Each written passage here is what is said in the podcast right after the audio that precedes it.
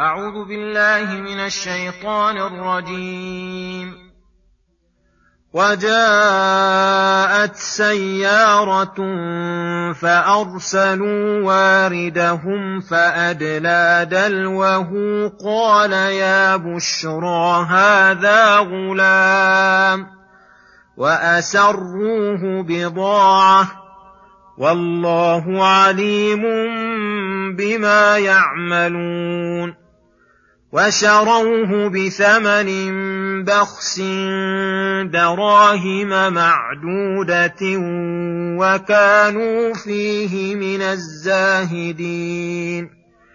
فقال الذي اشتراه من مصر لامرأته أكرمي مثواه عسى أن ينفعنا أو نتخذه ولدا.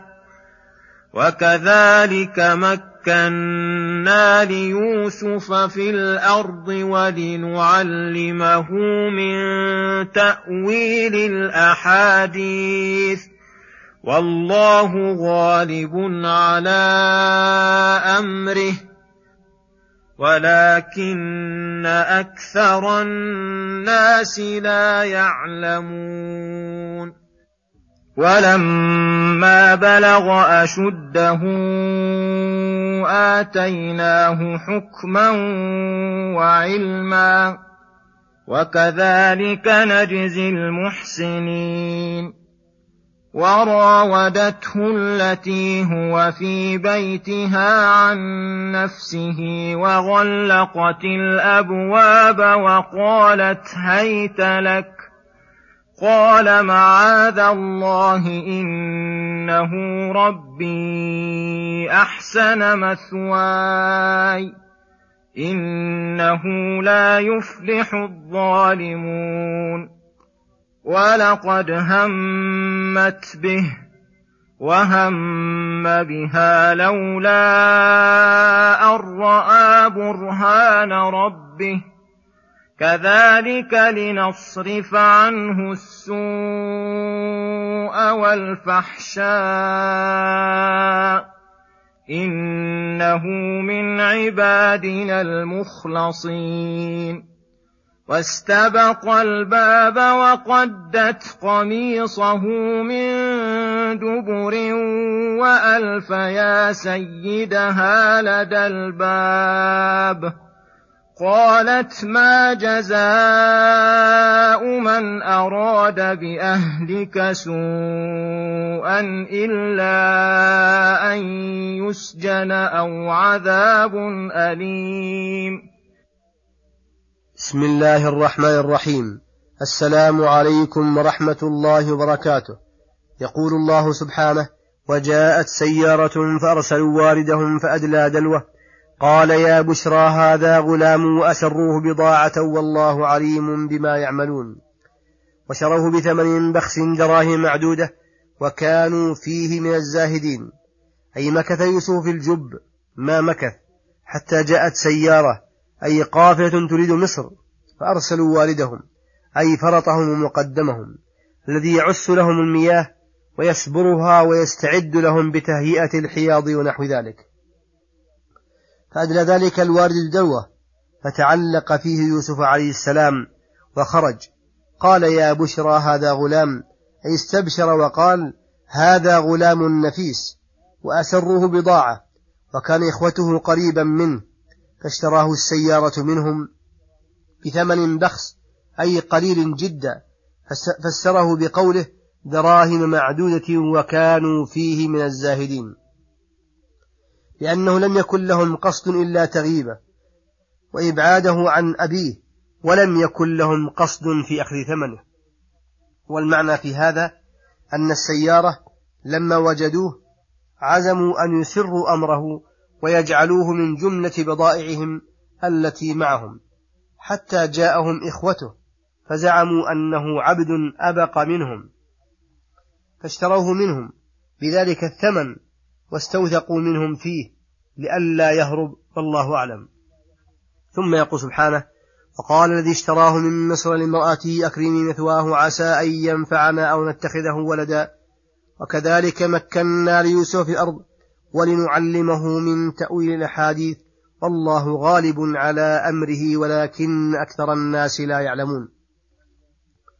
أي لما ذهب به السيارة إلى مصر وباعوه بها فاشتراه, عن فاشتراه عزيز مصر فلما اشتراه أعجب به ووصى عليه امرأته وقال أكرمي مثواه عسى أن ينفعنا أو نتخذه ولدا.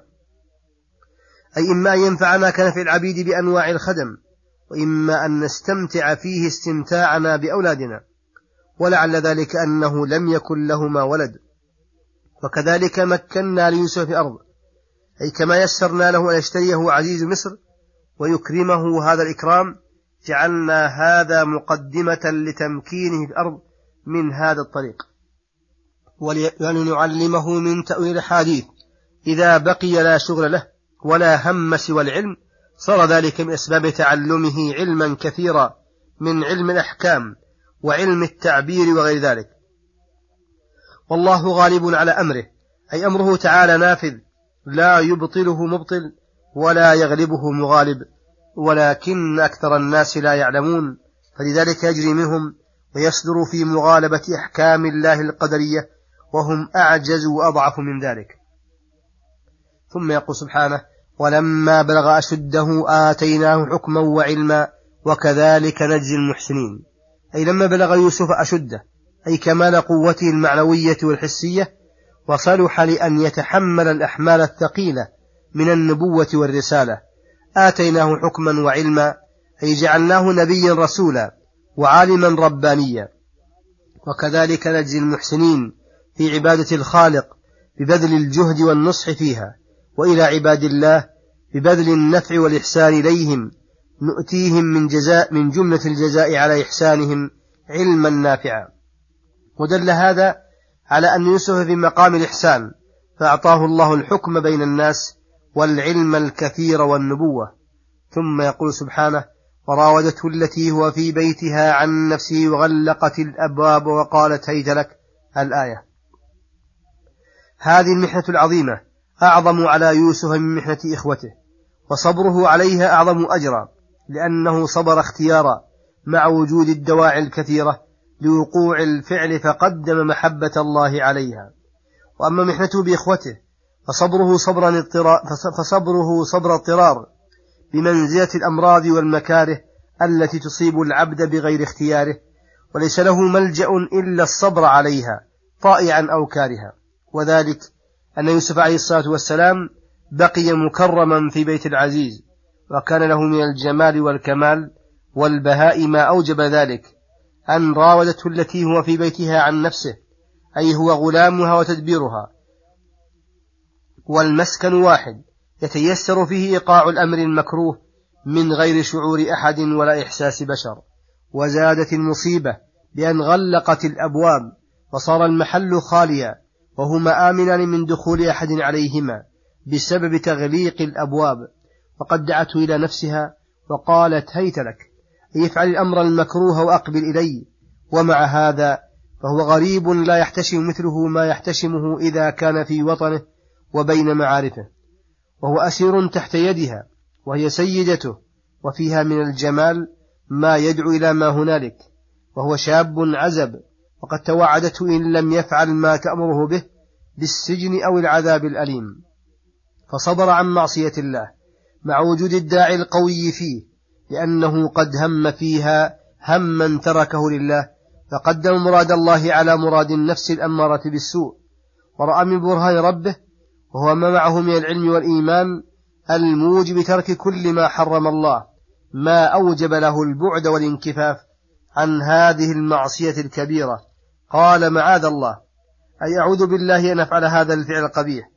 لأنه ما يسخط الله ويبعد عنه ولأنه خيانة في حق سيدي الذي أكرم مثواي. فلا يليق بي أن يقابله في أهله بأقبح مقابلة وهذا من أعظم الظلم والظالم لا يفلح. والحاصل أنه جعل الموانع له من هذا الفعل تقوى الله ومراعاة حق سيده الذي أكرمه وصيانة نفسه عن الظلم الذي لا يفلح من تعاطاه. وكذلك ما من الله عليه من برهان الإيمان الذي في قلبه يقتضي منه امتثال الأوامر واجتناب, واجتناب الزواجر. والجامع ذلك كله أن الله صرف عنه السوء والفحشاء لأنه من عباده المخلصين له في عبادتهم. الذين خصهم الله واختارهم واختصهم لنفسه وأسدى عليهم من النعم وصرف عنهم المكاره ما كانوا به من خيار خلقه ولما امتنع من إجابة طلبها. بعد المراودة الشديدة وذهب ليهرب عنها ويبادر إلى الخروج من الباب ليتخلص ويهرب من الفتنة بادرت إليه وتعلقت بثوبه فشقت قميصه.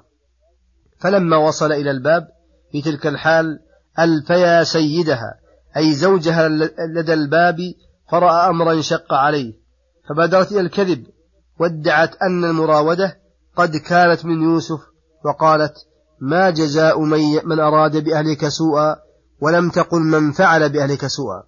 تبرئة لها وتبرئة له أيضا من الفعل وإنما النزاع عن الإرادة والمراودة إلا أن إلا أن يسجن أو عذاب أليم أي أو يعذب عذابا أليما. فبرأ نفسه مما رمته به وقال هي راودتني عن نفسي الآيات. وصلى الله وسلم على نبينا محمد وعلى آله وصحبه أجمعين.